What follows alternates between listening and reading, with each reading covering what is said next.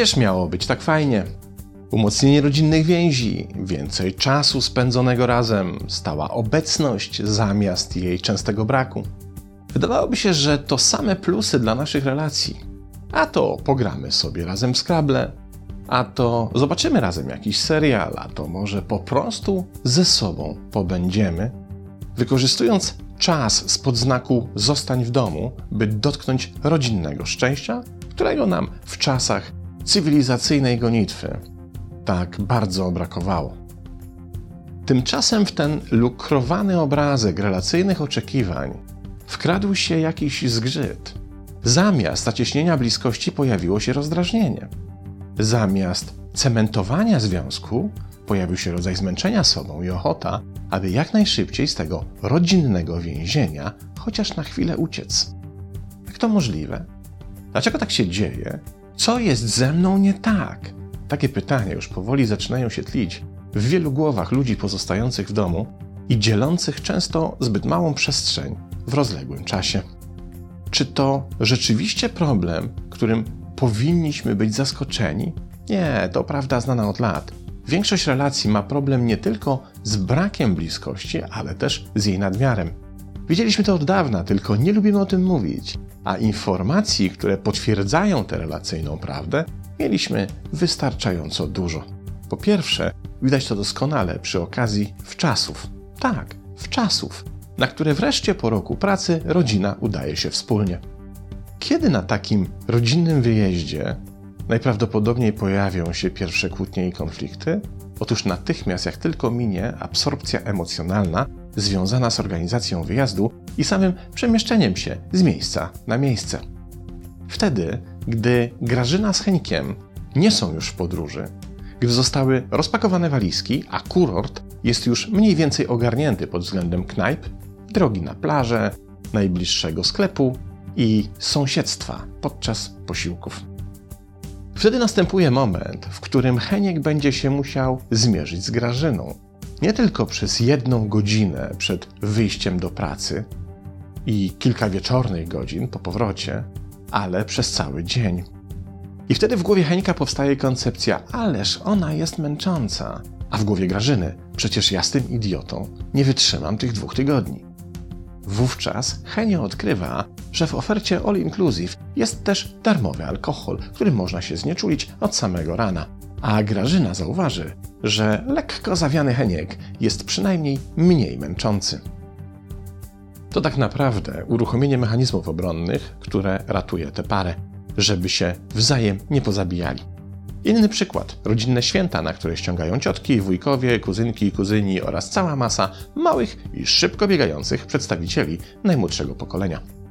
Taka sytuacja oznacza konieczność bycia blisko siebie na stosunkowo małej powierzchni, w towarzystwie całkiem pokaźnej grupki innych osób, z którymi na co dzień nie utrzymujemy kontaktu.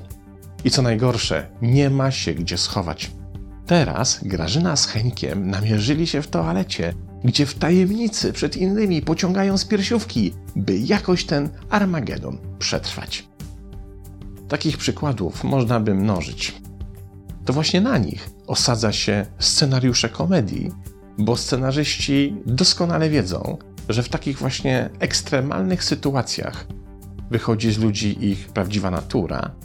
I to dlatego też NASA przeprowadza nieustannie eksperymenty, obserwując zachowania ludzi, którzy na długi czas zostają zamknięci w jakimś odosobnieniu, aby zobaczyć do czego, do jakich zachowań i reakcji ludzie są w tak ekstremalnych warunkach zdolni. Bo to, że jesteśmy dla siebie mili i potrafimy się nawzajem tolerować, w warunkach normalnie poustawianego życia zawodowego i prywatnego, jeszcze nie oznacza, że to wzajemne miłe traktowanie nie ulegnie zmianie, kiedy te warunki się zmienią. A dzieje się tak, ponieważ by przetrwać w stadzie, musimy wypracować sobie określoną strategię tego przetrwania, a to oznacza, że układamy społeczne klocki naszego funkcjonowania nie tylko w taki sposób, jaki wynika z naszych zawodowych czy życiowych aktywności, ale też taki, który zapewnia nam pewne wentyle bezpieczeństwa.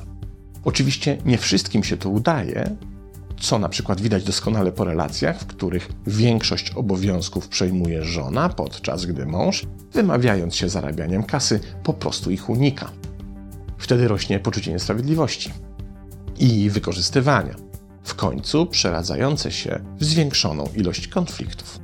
Ale wróćmy do sytuacji przymusowej bliskości, w której większość, o ile nie wszystkie wentyle bezpieczeństwa, po prostu są nieobecne. Nie da się nigdzie uciec, nie da się odetchnąć, nie da się zakończyć tego przymusowego, relacyjnego eksperymentu. Co się będzie działo? Otóż to początek fascynującego testu, który przechodzi właśnie relacja, i jednocześnie doskonała okazja, by te relacje rekontraktować. Zacznijmy najpierw od testu. Polega on na świadomej obserwacji systemu emocjonalnego i to, co najciekawsze, własnego, a nie tych, z którymi dzielimy zawężoną przestrzeń. Bo najwięcej informacji otrzymujemy w tym teście z własnego wnętrza. Jeśli na przykład pojawiło się rozdrażnienie, to zamiast podlegać jego imperatywowi, powinniśmy się mu bliżej przyjrzeć i spróbować odpowiedzieć na kilka podstawowych pytań. Pierwsze, co jest jego źródłem? Drugie, do jakich reakcji mnie skłania? Trzecie, czy to nowa emocja, czy jedynie wzmocnienie emocji już znanej i odczuwanej wcześniej, jednak tłumionej przez poprzednią organizację dnia? Czwarte, na ile jestem sobie w stanie z tą emocją poradzić w taki sposób, by nie była podstawą kaskadowej reakcji emocjonalnej pozostałych? Piąte, czy ta emocja wskazuje na potrzebę zmiany układu relacji, w której się znajduje? Inaczej mówiąc, czy z tą emocją wiąże się potencjał rozwojowy, czyli taka sytuacja, w której z czasem ta emocja będzie we mnie rosła? Powyższy test powinniśmy wykonać w stosunku do wszystkich emocji, które się w nas pojawiają w sytuacji przymusowego zacieśnienia relacji. Właśnie w czasie, kiedy z różnych powodów, a czasem dość oczywistych, powinniśmy przez kilka dni czy tygodni pozostać w domu. Wyniki staną się podstawą do decyzji o potrzebie rekontraktowania relacji. Najpierw kilka słów wyjaśnienia, na czym polega zjawisko kontraktowania. Otóż każda relacja zawierana jest na podstawie konkretnego kontraktu, który najczęściej nie ma ani formy pisemnej, ani też nie powstaje na skutek jakiegoś szczegółowego, wspólnego omówienia. Co więcej, wchodząc w relację, najczęściej z istnienia takiego kontraktu nawet nie zdajemy sobie sprawy.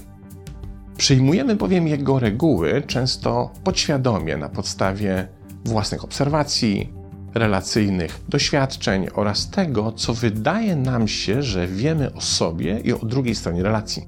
Jednak taki kontrakt, mimo że nieuświadomiony, zawsze istnieje.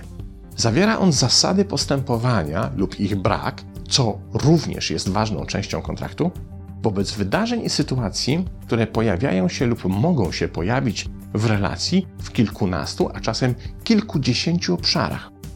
To może być na przykład logistyka wspólnego dzielenia przestrzeni, sprawy związane z pozyskiwaniem dochodów, zasadnością i celowością ich gromadzenia oraz wydatkowania czy decyzyjności w tej kwestii.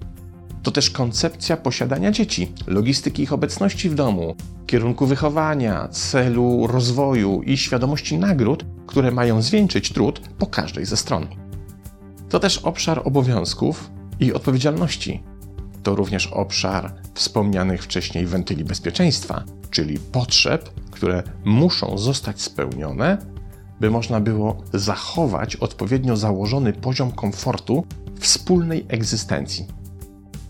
Znajduje się tam również obszar wartości i przekonań, które jeśli mają się różnić, to te różnice muszą być na tyle oswojone, by wzajemnie się nie znienawidzić. Tych obszarów jest naprawdę sporo i żeby wymienić tylko najbardziej istotne, musiałbym poświęcić temu dodatkowy wykład. Jednak nie w tym rzecz. Rzecz w tym, że jedne z nich są w danej relacji uświadomione, a inne nie. I te ostatnie w ekstremalnych sytuacjach, a taką jest przymus bycia w domu ze sobą przez 24 godziny na dobę, stają się zazwyczaj zarzewiem potężnych problemów. A ich przesłanki skrywają się właśnie w odkrywanych konceptach, Nie wiedziałem, że jest aż taka męcząca na co dzień, czy nie miałam pojęcia, że to taki nudziarz i faja. Wszystkie te zarejestrowane przesłanki, a ich rejestracja odbywa się właśnie przy pomocy wspomnianego wyżej emocjonalnego testu, stają się podstawą do podjęcia decyzji o konieczności rekontraktowania relacji. Cóż to takiego? To po prostu spisanie nowego kontraktu, ale tym razem zupełnie świadome po każdej ze stron. Nie da się tego zrobić bez szczerej rozmowy, w której w każdym z istotnych obszarów, z których małą część wymieniłem wcześniej, nie wypracuje się wspólnie nowych zasad i reguł relacji w oparciu o znany z psychologii transpersonalnej zestaw trzech komponentów, na których budujemy dowolną osobowość, więc tutaj osobowość relacyjną, czyli zachowanie, komunikacja i myślenie, oraz czterech osobowościowych atrybutów wartości, potrzeby, obowiązki i nagrody. Nowy kontrakt powstaje wówczas, kiedy każda ze stron relacji jest świadoma jego powstania i zasadności jego zapisów. Taki kontrakt to standardowe narzędzie relacyjnej terapii. Wielokrotnie sam widziałem jego dobroczynne skutki, ale też zdarzało mi się zetknąć z przypadkami, w których przy próbie rekontraktowania relacji po prostu przestawała ona istnieć. To cena, którą czasem trzeba zapłacić właśnie za to, że gdy powstawała ta relacja, domniemany kontrakt nie miał tak naprawdę nic wspólnego z rzeczywistością, bo ludzie, którzy się ze sobą wiązali, tak naprawdę nigdy tego nie powinni robić. Jednak w większości przypadków, z którymi miałem styczność, rekontraktowanie, jeśli zostało przeprowadzone uczciwie i na odpowiednim poziomie szczerości oraz chęci dokonania pozytywnej zmiany, przynosiło naprawdę uzdrawiające efekty.